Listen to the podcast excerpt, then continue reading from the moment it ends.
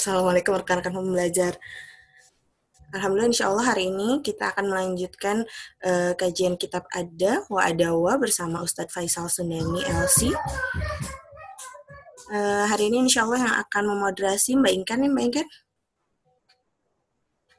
Iya Kak, hari ini aku saya. Oke, okay, siap. Aku serahkan padamu ya. aku di mute dan di off video. Siap, terima kasih.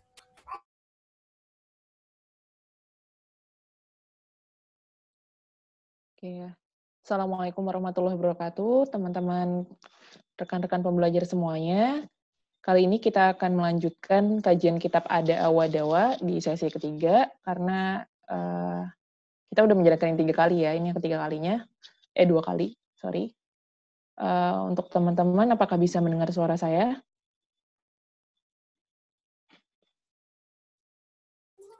Bisa dijawab di chat aja untuk rekan-rekan uh, pembelajar lainnya. Bisa, Mbak.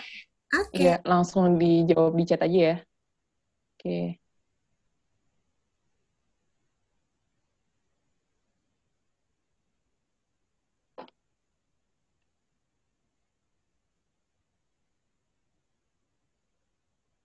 Oke, Ustadz Faisal sudah datang.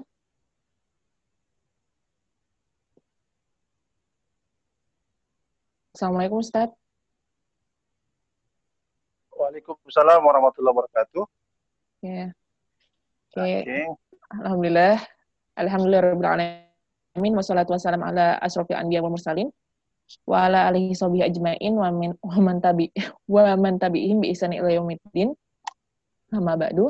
Alhamdulillah puji syukur kehadirat Allah Subhanahu wa taala kali ini kita bisa uh, mendengar lagi kajian uh, kitab Ada Awadawa oleh Ustadz Faisal Sundani Alsi yang diselenggarakan oleh Mualim Kitchen uh, bersama, bekerja sama dengan uh, Rumah Keluarga Risman. Oke, mungkin bisa lanjut aja ya Ustadz. Kemarin kita uh, sudah sampai di uh, halaman 11.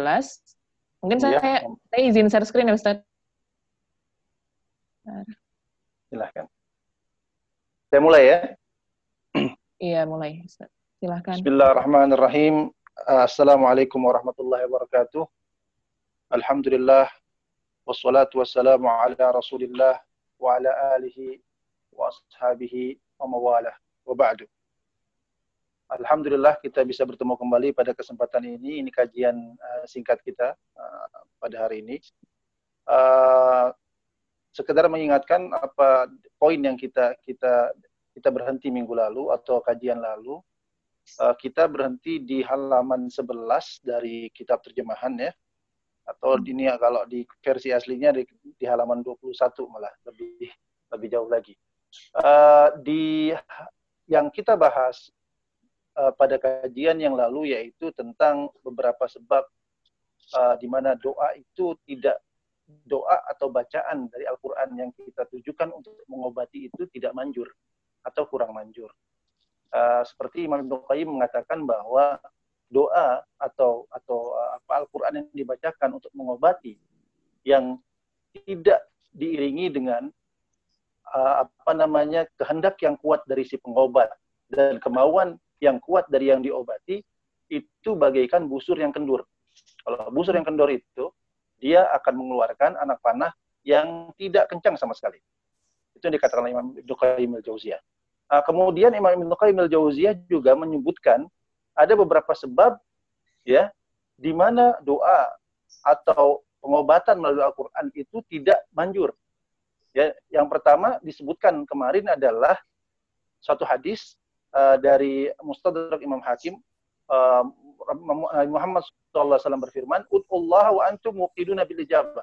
Jadi kata eh, kata Rasulullah SAW, apabila engkau berdoa, maka engkau yakinkan bahwa doamu akan diterima Allah Subhanahu Wa Taala.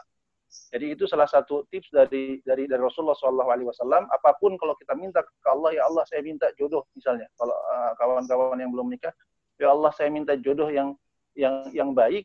Nah di hati kita, di kepala kita itu ada ya jodoh yang baik, kemudian apa masa depan yang baik dan lain sebagainya itu sudah ada di muka kita atau di di hati kita. Kita yakin bahwa Allah akan memberikan jawaban itu. Kalau kita sakit, kita minta kepada Allah, ya Allah sembuh, sembuh, sembuhkan penyakitku. Allahumma shfini, Allahumma shfini. Allahumma rabban nasi adhibil ba'sa ashfini anta syafi la shifan illa shifa'uka shifan ajilan la yughadiru saqaban. Ketika kita membaca hal itu, ya apa yang ada di uh, kepala kita, yang ada di kepala kita adalah bahwa Allah Subhanahu wa taala akan menyembuhkan apa yang kita derita dan kita yakin bahwa kita akan sembuh gitu loh. Jadi kalau kita nggak yakin, apa kualitas doa dan kualitas uh, apa namanya pengobatan dengan Al-Qur'an itu akan berkurang. Kenapa? Rasulullah SAW bersabda, "Ud'ullaha wa antum muqinuna bil ijabah." Doa berdoalah kepada Allah sementara engkau yakin dengan ijabah Allah. Wa'lamu anna Allah la yaqbalu du'aan min qalbin la ghafilin lahin. Dan ketahuilah bahwa Allah Subhanahu wa taala tidak menerima doa dari hati yang tidak yakin dari hati yang lalai atau uh, hati yang kaflah ya itu itu yang pertama kemudian sebab yang kedua di mana doa kita atau pengobatan kita dengan baca Quran itu tidak terlihat mujarab atau tidak terlihat efeknya adalah dijelaskan oleh Imam Ibnu Qayyim Jauziyah di sini uh, ada satu hadis ya oke okay. uh, atau sebelumnya dikatakan bahwa fahaza dawaun muzilun lidah walakin ghaflatul qalbi anillahi tubtil quwwatahu uh, tubtil quwwatahu. Keyakinan kita kepada doa ya adalah doa itu sendiri yang bisa menghilangkan penyakit.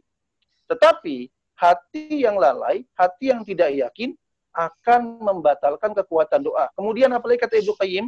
Wa kadzalika aklul haram yubtilu quwwatahu wa yudha'ifuha. Ya dan juga kata Ibnu Qayyim Jauziyah, makan barang yang haram itu yang membuat doa kita tidak diterima, yang membuat pengobatan kita dengan Al-Qur'an itu tidak terima. Jadi kekuatan doa itu berkurang kalau apa? Kalau yang kita makan adalah hal-hal yang tidak jelas atau yang berbau haram. Ya, jadi di sini ada uh, apa Abu Abu Hurairah uh, apa berkata bahwa Rasulullah SAW bersabda ya dalam Sahih Muslim, ya ayuhan nas, Inna Allah tayyibun la yaqbalu illa tayyiba. Wa inna Allah amara al-mu'minina bima amara bihil mursalin. Faqala ya ayyuhar rusul kulu min tayyibati kulu min at-tayyibati wa'malu salihah. Ya, wa'malu salihah inni bima ta'maluna alim. Rasulullah sallallahu alaihi wasallam bersabda, wahai manusia, sesungguhnya Allah itu baik. La yaqbalu illa tayyiba. Allah tidak menerima kecuali sesuatu yang baik. Wa inna Allah amaral mu'minina bima amara bil mursalin. Allah Subhanahu wa taala telah memerintahkan orang-orang mukmin dengan perintah yang sama dengan para rasul terdahulu atau para rasul. Waqala Allah berfirman, "Ya ayyuhar rusul, kulu minat thayyibat wa'malu salihah." Wahai para rasul, kulu minat thayyibat, makan dari yang halal, dari yang baik, maaf, dari yang baik, uh, wa'malu salihan dan berbuatlah yang bagus. Inni bima ta'maluna alim, sesungguhnya aku mengetahui apa yang kau perbuat. Itu coba kalau digeser lagi uh, buka di halaman 12. Nah, ini di halaman 12. Jadi di sini kan uh, perintah Allah ya, kulu minat tayyibat, makan dari yang baik. Kemudian selain makan dari yang baik ada wa malu solihat. Kemudian kerjakan sesuatu yang baik, makan yang baik, kerjakan sesuatu yang baik. Dalam ayat lain, dalam ayat lain dalam surat Al-Baqarah 172, Allah Subhanahu wa taala berfirman, "Ya ayyuhalladzina amanu kulu min thayyibati ma razaqnakum." Wahai orang-orang yang beriman, makanlah dari hal-hal yang thayyib, hal-hal yang baik mimma razaqnakum, ma razaqnakum yang kami berikan rezekinya kepada engkau. Ya. Jadi jadi ini ini adalah salah satu salah satu penguat doa itu sendiri yaitu kalau kita makannya hal-hal yang thayyib, yang baik. Coba kalau kita sekarang sebetulnya uh, banyak orang banyak orang berpikir bahwa makanan haram itu cuma babi saja atau cuma hal-hal eh, cuma maaf ya cuma makanan-makanan uh, yang yang eksotik seperti ya yang dikatakan oleh banyak orang eksotik seperti anjing misalnya uh, seperti apa uh, kelelawar misalnya ya itu uh, apa sempat viral juga uh, atau atau binatang-binatang yang memang tidak layak makan ya uh, babi dan lain sebagainya tetapi sebetulnya yang haram itu kalau kita umat Islam, kalau kita mau teliti, kita bisa melihat bahkan menemukan di pasar ya kalau kalau kalau, kalau kita ke pasar, kalau bapak-bapak ibu-ibu ke pasar, Kalau ikhwas sekalian pergi ke pasar itu melihat bagaimana orang menyembelih ayam. Ya, sembelihan itu seenaknya. Ya. Jadi belum tentu yang haram itu adalah babi. Di dalam kehidupan kita sehari-hari, nah itu yang haram tuh ayam juga bisa haram. Bahkan ada tiren ya, ayam mati kemarin hmm. dijual. Nah, dijualnya uh, tentu saja ketika dijual dia nggak bilang ini ayam mati kemarin, nggak, cuman dijadikan makanan apa dan lain sebagainya. Jadi kita menjaga makanan yang masuk. Ya, min tayyibat, bukan cuma halalan, tapi tayyiban juga. Nah, uh, efek dari makan benda yang haram ini dikatakan di sini dalam satu hadis, "Tsumma dzakar ar-rajulu yutilu safar as'atha akbar yamuddu yadayhi ila sama ya rab ya rab wa mat'amu haram wa mashrabu haram wa malbasu haram wa ghudhiya bil haram fa anna yustajabu du'a. Thumma dzukir. Kemudian diberitakan anna rajul sesungguhnya seorang laki-laki ya laki-laki yutilu safar. Mereka bepergian dengan panjang. Ash'asa akbar. Apa? Uh, penuh dengan debu bajunya kotor karena debu karena, karena bepergian itu kemudian ya muddu yadaihi ila sama dia memanjangkan tangannya ke langit, memeranjatkan apa pandangannya ke langit, minta, meminta kepada Allah, berkata, "Ya Rabb, ya Rabb, ya Allah, ya Allah, ya Allah." Sementara apa? Wa mat'amu haram, makanannya haram. Wa masrabuhu haram, minumannya haram. Wa malbasuhu haram, pakaiannya juga dibeli dari haram barang yang harta yang haram. Wa ghudhiya bir haram, diberikan makanan dari harta yang haram. Apa kata Nabi? fa anna yustajabu lidzalik. Bagaimana akan diijabah doanya? Jadi jadi ini ini kalau kita lihat ini sangat penting sekali kalau kita ingin berdoa sebetulnya begini, hidup halal, thayyib itu adalah hidup yang sangat murah. Hidup yang murah meriah. Itu halal thayyib itu murah meriah. Kenapa? Kalau makanan kita halal, kita pastikan makanan kita yang halal.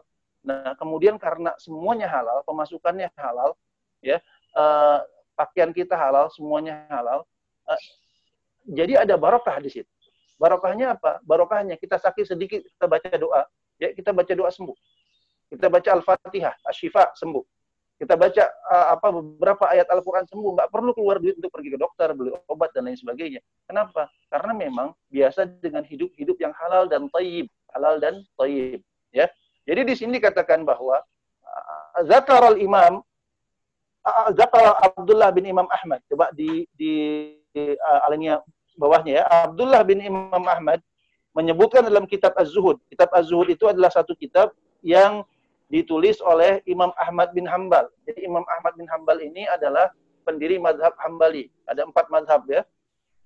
Uh, madhab uh, Hanafi, ya Abu Hanifah, madhab Hanafi, madhab Malik, kemudian madhab Syafi'i dan madhab Hambali. Jadi madhab Hambali uh, Imam Ahmad bin Hambal adalah pendiri mazhab Hambali, punya anak namanya Abdullah. Jadi Abdullah bin Imam Ahmad menyebutkan dalam uh, menyebutkan dalam kitab Az-Zuhud karya ayahnya ya. Dulu dulu Bani Israel pernah tertimpa bencana sehingga mereka pun keluar ke suatu tempat untuk berdoa. Ya, Bani Israel kena bencana, mereka keluar untuk berdoa. Kemudian apa yang terjadi? Allah mewahyukan kepada nabinya untuk mengabarkan kepada mereka. Ya jadi nabinya yang dikirim oleh Allah ke Bani Israel diperintahkan oleh Allah wahai nabi uh, kabarkan kepada mereka. Apa kabarnya? Kabarnya ini sesungguhnya kalian keluar ke dataran tinggi ini dengan badan yang najis. Badannya nah, najis. Kalian menengadahkan tangan-tangan kalian kepadaku padahal tangan kalian yang kalian tengadahkan itu berlumuran darah darah dari mana dari dari kezaliman ya? dan dengannya kalian penuhi rumah-rumah dengan barang-barang yang haram. Jadi tangannya itu sudahlah dipakai menzalimi orang, kemudian dari tangannya itu dipakai untuk berusaha, dan berusahanya itu apa? Mengumpulkan barang-barang yang tidak halal dan dibawa ke, ke rumah. Kemudian apa kata Nabi? Kata Nabi yang diperintahkan oleh Allah ya, apa kata Allah ya, dengan dengan lisan Nabi ini? Apakah kalian sekarang memohon pada saat murkaku kepada kalian telah bertambah? kalian hanyalah akan men, akan akan apa akan men, semakin menjauh dariku.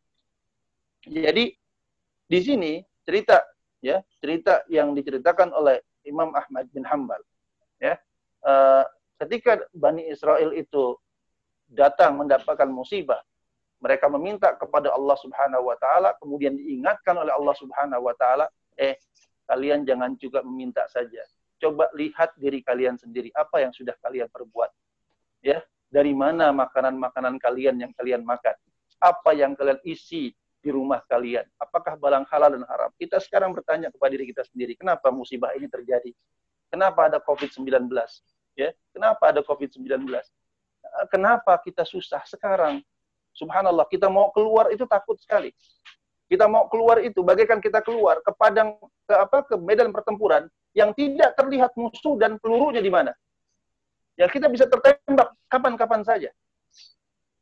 Dan ini kita pernahkah kita bertanya apakah ini karena karena kita melalaikan sholat, karena saya melalaikan sholat, karena saya mungkin malas, karena saya ada sifat yang tidak baik, karena saya menzalimi orang dan lain sebagainya. Berapa banyak sekarang kita bersedih karena masjid-masjid itu ditutup, sekarang kita tidak bisa sholat Jumat. Sekarang ini sungguhnya pada hari biasanya kita mestinya sudah di masjid untuk menunggu imam, khatib naik. Tetapi ya Allah, sudah berapa? Sudah tujuh Jumat sudah tujuh atau delapan Jumat. Saya, saya sendiri sampai lupa udah berapa Jumat yang kita sudah tidak sholat Jumat. Dan kita minta kepada Allah Subhanahu wa taala, ya Allah Subhanahu wa taala, ya hentikanlah ini semua. Ya Allah, ya Allah berikanlah rahmatmu kepada kita semua. Ya Allah, ya hilangkanlah musibah ini. Ya Allah, hentikanlah ujian ini dan jadikan kami bersama orang-orang yang lulus dalam ujian ini. Di waktu yang sama, ketika kita minta kepada Allah Subhanahu wa taala, ya, ketika kita minta kepada Allah Subhanahu wa taala, kita menjauhi diri dari dosa dan juga kita apa? Kita mensucikan diri kita dari dosa-dosa. Kita melihat introspeksi diri apa sih yang sudah kita lakukan. Nah, mungkin saya masih makan riba, mungkin mungkin masih ada uh, tanggungan-tanggungan hutang uh, apa hutang yang berbau riba yang belum saya jelaskan, uh, yang belum saya uh, lepaskan dari diri saya sehingga kok susah-susah banget gitu loh. Karena sekarang ini musibah COVID ini bukan cuma musibah kesehatan, tetapi juga musibah ekonomi. Semuanya hancur karena COVID-19 ini. Dan di situ waktu kita untuk introspeksi. Jadi ini adalah mukaddimah, ya mukaddimah uh, dari kitab Ad-Da'wah Dawa. Jadi kalau di sini Abu Dhar, ya ada Abu Dhar di sini dikutip oleh Imam Ibnu Qayyim al-Jauziyah, ya Ibnu Qayyim al-Jauziyah mengutip dari uh, uh, Abu Dhar al-Ghifari mengatakan bahwa yakfi minad du'a ma'al bir ma yakfi ta'am minal milh. Jadi doa itu sebetulnya sudah cukup untuk jadi satu kebaikan. Ya, sebagaimana apa? Garam itu cukup untuk membuat masakan itu terasa lebih nikmat. Jadi kalau kebaikan yang kita lakukan ya, kita iringi dengan doa itu bagaikan makanan yang ada garamnya. Gitu loh. Jadi jadi itu uh, apa namanya uh, dari mukaddimah. Nah, karena kita ada waktu, saya langsung aja masuk ke bab satu ya. Coba bisa terus masuk ke bab satu ad-du'a min anfa'il adwiyah. Oke. Okay. Jadi Ibnu Qayyim jauziyah di bagian pertama tadi bagian mukaddimah memberikan kita mukaddimah tentang kenapa uh, kitab ini ditulis oleh Ibnu Qayyim jauziyah dan juga ada beberapa hal uh, yang bisa menjadi obat ya seperti Al-Qur'an tadi bacaan Al-Qur'an uh, juga ilmu sebagai obat dari kejahilan ya obat dari ketidaktahuan adalah bertanya ya uh, dawaul ayyi syifaul ayyi as-su'al. Jadi uh, lagi saya bagi mungkin bagi kawan-kawan yang baru gabung sekarang Imam Ibnu Qayyim al-Jauziyah membuka buku ini dengan mengutip satu hadis ya sebagai motivasi bahwa ma anzalallahu da'an illa anzala ma'ahu syifa bahwa Allah Subhanahu wa taala tidak menurunkan satu penyakit pun kecuali ada obatnya. Jadi itu bagaimana Imam Ibnu Qayyim al-Jauziyah memberikan satu motivasi bagi kita bahwa jangan putus asa ya, jangan putus asa. Jika engkau sakit pasti akan sembuh. Kenapa? Karena pasti ada doanya. Eh, pasti ada obatnya. Sorry. Kemudian Imam Ibnu Qayyim al-Jauziyah memberikan contoh-contoh dari obat-obat yang memang kita kita sudah bisa uh, apa konsumsi setiap hari seperti bacaan Al-Qur'an ya, uh, ruqyah ya dan juga doa. Oke. Nah, dalam bab ini kita akan membahas masalah doa secara lebih lebih terperinci lagi. Tadi apa dalam mukaddimah ada sedikit apa namanya Ibnu Qayyim al-Jauziyah ada sedikit berbicara tentang doa ya. Nah, dalam bab satu ini, dalam bab satu ini, Imam Ibn Qayyim al-Jauziyah akan lebih banyak memerinci lagi tentang doa, adab-adabnya, dan sebab-sebabnya bagaimana doa bisa terhalang, dan bagaimana kiat-kiat berdoa yang baik. Ya, Oke, kita mulai di sini. Mungkin kita dapat satu dua halaman, alhamdulillah dari dari dari bab pertama ini. Wa du'a'u min anfa'il adwiyah huwa adwul bala ya yadfa'u wa yu'alijuhu wa yamna' nuzulahu wa yarfa'u wa yukhaffifu idza nazal wa huwa silahul mu'min. Jadi kata Imam Ibn Qayyim al-Jauziyah dikatakan di sini ya di bab 1, bab 1 berarti halaman berapa? Halaman 14 ya. Halaman berapa ini? 17 Ustaz. Halaman 17 ya. Oke. Dikatakan bahwa doa adalah termasuk obat yang sangat bermanfaat sekaligus musuh bagi bencana wa bala. Jadi doa itu musuh dari bencana. Yadfa'uhu wa yu'alijuhu. Dia akan menolak ya, menolak si bencana tersebut dan mengobati. Wa yamna nuzulahu dan dia akan mencegah ya, menghilangkan ya. Wa yarfa'u dan mengangkat bencana yang menimpa. Au yukhaffifuhu atau meringankan uh, bencana ketika datang Wahwa silahul mukmin dan itu adalah senjata bagi orang-orang yang mukmin. Saya teringat diingatkan oleh seorang ustadz di satu perjalanan itu waktu zaman awal-awal uh, COVID-19. Saya pergi ke Aceh sebelum sebelum merebak ke sebagai pandemik ya, dulu masih masih belum jadi pandemik. Uh, khatib Jumat pada waktu itu itu mungkin Jumat terakhir saya, habis itu nggak Jumatan lagi kita. Saya akan ingat terus. Jadi khatib uh, ber, berpesan pada waktu itu mengatakan bahwa ada satu vaksin untuk COVID-19. Ya, imunisasi, mengimunkan diri dari COVID-19 yaitu membaca apa? Bismillahilladzi la yadurru ma'asmihi syai'un fil ardi wala fis sama. Ini saya akan baca pelan-pelan bagi yang belum tahu untuk mengingatnya. Bismillahilladzi ya bisa ditulis la yadurru ma'asmihi syai'un fil ardi wala fis sama. Dibacanya kapan? Dibacanya pagi-pagi dan petang hari. Nah, kenapa? Karena Nabi Muhammad SAW bersabda bahwa barang siapa yang membaca doa itu maka akan dijaga oleh Allah Subhanahu Wa Taala dari pagi sampai petang, dari petang sampai pagi lagi.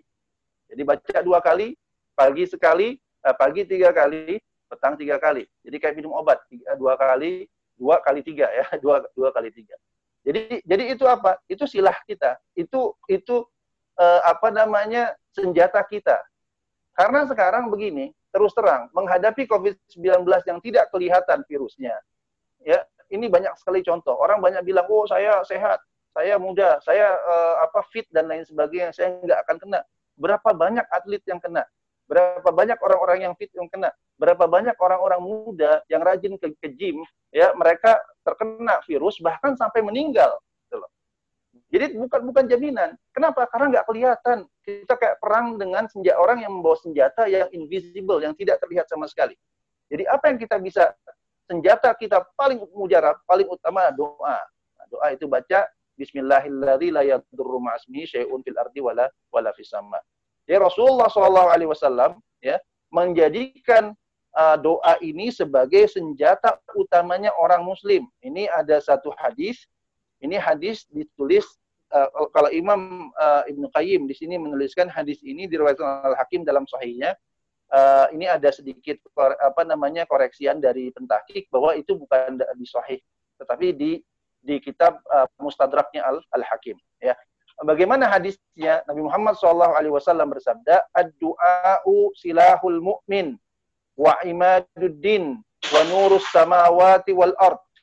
Doa adalah senjata kaum mukminin, ya, senjata kaum mukminin. Kemudian doa itu juga tiang agama. Kemudian doa itu juga cahaya langit dan dan bumi. Ini hadis ya. Hadisnya sebetulnya enggak sahih, tidak sahih. Ya, hadisnya hadis dhaif, ya tidak sahih tetapi apa? Tetapi syawahidnya ya bahwa bahwa memang betul bahwasanya Rasulullah Shallallahu Alaihi Wasallam memerintahkan kita untuk berdoa dalam azkar-azkar ya hadis-hadis azkar Rasulullah Shallallahu Alaihi Wasallam ya seakan-akan memang Rasulullah memberikan doa-doa itu tersebut sebagai apa? Sebagai silah kita, sebagai senjata kita menghadapi penyakit, penyakit penyakit fisik atau penyakit penyakit hati. Ya, jadi ini yang dikatakan oleh Rasulullah Shallallahu Alaihi Wasallam. Ya, uh, ketika bersanding dengan musibah, doa punya tiga kondisi. Ada, oke, okay. waktu kita membaca doa dalam satu keadaan, imma dalam musibah atau sakit atau apa pun atau kita punya punya apa hajat ya kepada Allah. Ini ada tiga biasanya. Yang pertama, ayyakuna aqwa minal bala fayadfa'uhu. Yang pertama ya, doa kita itu lebih kuat dari musibah. Maka apa yang terjadi karena doa kita lebih kuat dari musibah, maka doa kita akan mencegah terjadi musibah tersebut. Itu yang pertama. Kondisi yang kedua, ya, ayyakuna ad'af minal bala fayuqawi alaihi al-bala fayusabu fayusabu bihi al-'abdu walakin qad yukhaffifahu wa in kana dha'ifan. Kemungkinan kedua adalah doanya itu lebih lemah dari musibahnya. Tetapi pun demikian, ya, ini jadi doa itu lebih lemah dari musibahnya. Akibatnya apa? Doa terkalahkan. Ya, terkalahkan. Uh, sehingga musibah menimpa orang bersangkutan. Ya, tetapi walaupun demikian, doa bisa mengurangi musibah tersebut meskipun hanya sedikit. Jadi dengan doa itu ya musibahnya sedikit lah gitu loh. Jadi kalau orang sakit misalnya, orang sakit uh, ya mestinya kalau mungkin ya kalau nggak minum doa itu selesai gitu loh. Tetapi uh, kalau nggak membaca doa itu mungkin selesai atau mungkin sakitnya parah dan lain sebagainya. Tapi bisa berkurang sedikit dengan doa tersebut walaupun akhirnya dia masih sakit juga gitu loh. Jadi mengurangi ya, at least dia mengurangi. Kemudian yang ketiga, ayyataqawama wa yamna kulla wahidin sahibahu. Satu sama lain musibahnya berat, doanya berat, satu sama la, satu, apa, satu sama lain saling menyerang dan saling menghilangkan. Doanya saling menyerang musibahnya musibahnya juga menyerang doanya. Jadi ada tiga ya. Ini tiga keadaan kita dan doa adalah satu doanya lebih kuat dari musibahnya. Yang kedua uh, musibahnya lebih apa doanya lebih lemah dari musibahnya. Yang ketiga dua-duanya sama kuat. Ya jadi uh, apa namanya uh, keadaan dalam kita berdoa itu nggak selamanya, tidak selamanya uh, doa itu apa namanya lebih kuat dari musibahnya. Nah, kalau kita bertanya kenapa ada tiga ini, kenapa ada tiga halat ini, ada tiga tiga tiga tiga posisi ini? Karena dalam keadaan apa? Kita ingat apa yang dikatakan oleh Imam Ibnu Qayyim al-Jauziyah bahwa saya doa itu kuat dan doa itu kuat atau melemah itu disebabkan oleh siapa? Oleh yang berdoa, ya dan orang yang menerimanya. Ini kalau misalnya rukyah disebabkan oleh orang pembacanya dan orang dan pasien yang yang menerimanya, keyakinan kita. Jadi kalau keyakinan kita kepada Allah Subhanahu wa taala kuat. Kemudian apa yang kedua? Ingat Ibnu Qayyim al-Jauziyah mengatakan bahwa eh, doa itu bisa berkurang kemujarabannya kalau kita ada maksiat, banyak maksiat kepada Allah Subhanahu wa taala atau kalau kita banyak makan hal-hal yang tidak halal atau yang kurang halal. Ya, jadi insya Allah uh, kemudian tiga halat ini, ada tiga posisi ini, kita akan lebih jelaskan lagi insya Allah dalam pertemuan yang akan datang. Karena ini sudah 30 menit pas, ya. Uh, mohon maaf atas segala kesalahan. Mungkin uh, nanti minggu depan ya, minggu depan ada lagi insya Allah. Uh, dan mungkin salah satu satu di antara tiga kali seminggu itu kita lebih perpanjang untuk uh, untuk apa namanya untuk mengakomodir bila ada pertanyaan insya Allah ya. Tapi mungkin satu dalam tiga kali itu sajalah insya Allah ya. Jadi begitu saja mohon maaf atas segala kesalahan mudah-mudahan bermanfaat. Insya Allah kita murajaah lagi kita ulang-ulang lagi minggu depan atau kajian yang akan datang hari Selasa insya Allah nah hmm. uh, untuk yang akan datang tetap ya jam 10 ya. Jadi jam mohon 10. maaf uh, uh, mohon maaf uh, hari ini agak bergeser. Uh, mudah-mudahan yang di, eh, bukan mudah-mudahan uh, saya asumsi saya yang hadir di sini semuanya nggak jumatan karena jumatan masih belum dibuka ya kecuali mm-hmm. yang di daerah hijau mungkin. Uh, selamat sholat jumat bagi yang ada di lokasi di zona hijau. Zona kami masih merah dan belum dibuka hmm. musola dan masjid-masjidnya. Uh, kita berdoa kepada Allah semoga kita kembali lagi kepada normal. Uh, ya Allah kami sudah rindu kepada masjid-masjidmu. Ya semoga Allah Subhanahu wa taala memberikan kita kesempatan kembali untuk datang ke masjid Semoga kita menyimpan rindu ini sampai kita ditakdirkan kawan yang ingin umroh kemudian terhalang umrohnya, semoga bisa cepat umroh lagi, ya. Semoga pergi haji tahun ini. Saya membayangkan banyak orang yang pergi haji sekarang, yang ingin pergi haji, yang sudah terdaftar haji, ini hatinya betul-betul tidak tidak menentu. Kita berdoa semoga Allah Subhanahu wa taala membebaskan hati-hati mereka dari kecemasan. Hmm. Semoga Allah Subhanahu wa taala memberikan kita hari-hari terbaik. Semoga Allah Subhanahu wa taala menguatkan kita kembali untuk ya untuk sembuh ya untuk untuk tampil untuk untuk mendapatkan hari-hari yang yang yang indah lagi yang bisa beribadah dengan baik pada Allah Subhanahu wa taala. Jadi begitu saja saya kembali kepada uh, moderator. Oke, okay. uh, syukur Ustadz. Jadi uh, alhamdulillah tadi kita telah membahas uh, bahwa dalam kaidah berdoa bukan hanya doanya itu saja tapi uh, tapi dari makanan kita, dari pakaian kita, dari perbuatan kita itu juga perlu kita perhatikan. Dan juga di bab pertama kita membahas tentang uh, tiga kondisi doa. Bahwa doa itu dapat uh, mencegahnya terjadi musibah, yang kedua bisa meringankan dan yang ketiga uh, antara doa dan musibah juga uh, bisa sama-sama Oke, mungkin itu saja yang uh, disampaikan hari ini ya Ustadz ya. Jadi mohon maaf atas ya. segala kekurangan. Terima kasih Ustadz. Maka saya akan tutup kajian ini uh, dengan bacaan kafaratul majelis. Subhanakallahumma bihamdika nasyhadu an la ilaha illa anta nastaghfiruka wa natubu ilaik. Oke. Assalamualaikum. Waalaikumsalam warahmatullahi